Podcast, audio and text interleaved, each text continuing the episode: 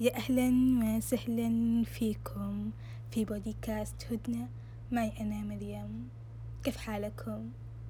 كيف حال أرواحكم؟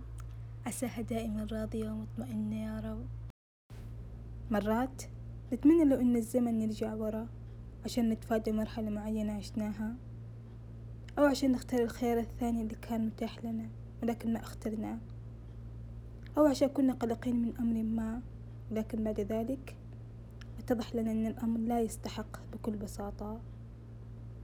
أو ممكن عشان نطمن أنفسنا بكلمة كنا نحتاج نسمعها من أحد في فترة معينة. ومن هنا نقتبس السؤال إيش هي الجملة اللي كنت راح تقولها كتذكير لنفسك الصغيرة أو لنسختك السابقة؟ وتظن إن كان بإمكانها أن تجعل للأمور تأثير أخف على نفسك. كله خير. كنت رح أذكر نفسي بهذه الحقيقة. هذه إجابتي لما سألت نفسي هذا السؤال. أتفهم الآن خوفي وكذلك قلقي من نفس الأمور في ذاك الوقت. وكذلك أعي أن نظرتي للأمور تختلف. وكذلك أهمية الأحداث بالنسبة لي. ولكن رغم كل هذا إلا أن كان باستطاعة هذه الكلمتين أن تجعل من الأمور أخف ولو بنسبة خمسة بالمية إدراكي إني محاطة بالخير من كل جانب وأي شيء يصير معي صار لأنه الأفضل لي يزيح عن كاهلي الكثير.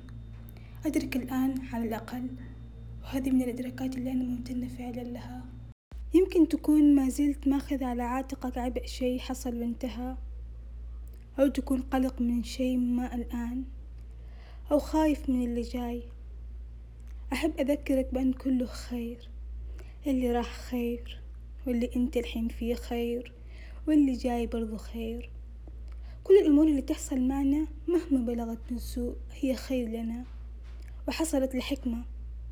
ما يقدر يستوعبها عقلنا البشري ولكنه لصالحنا. نشوفه لما نؤمن بوجود الخير لما نقر في قرارة أنفسنا أننا محاطين بالخير.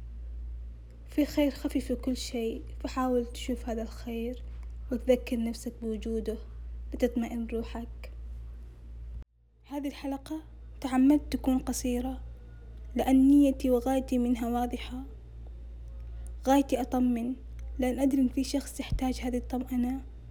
روحه تحتاج تطمن مثل ما روحي اطمنت.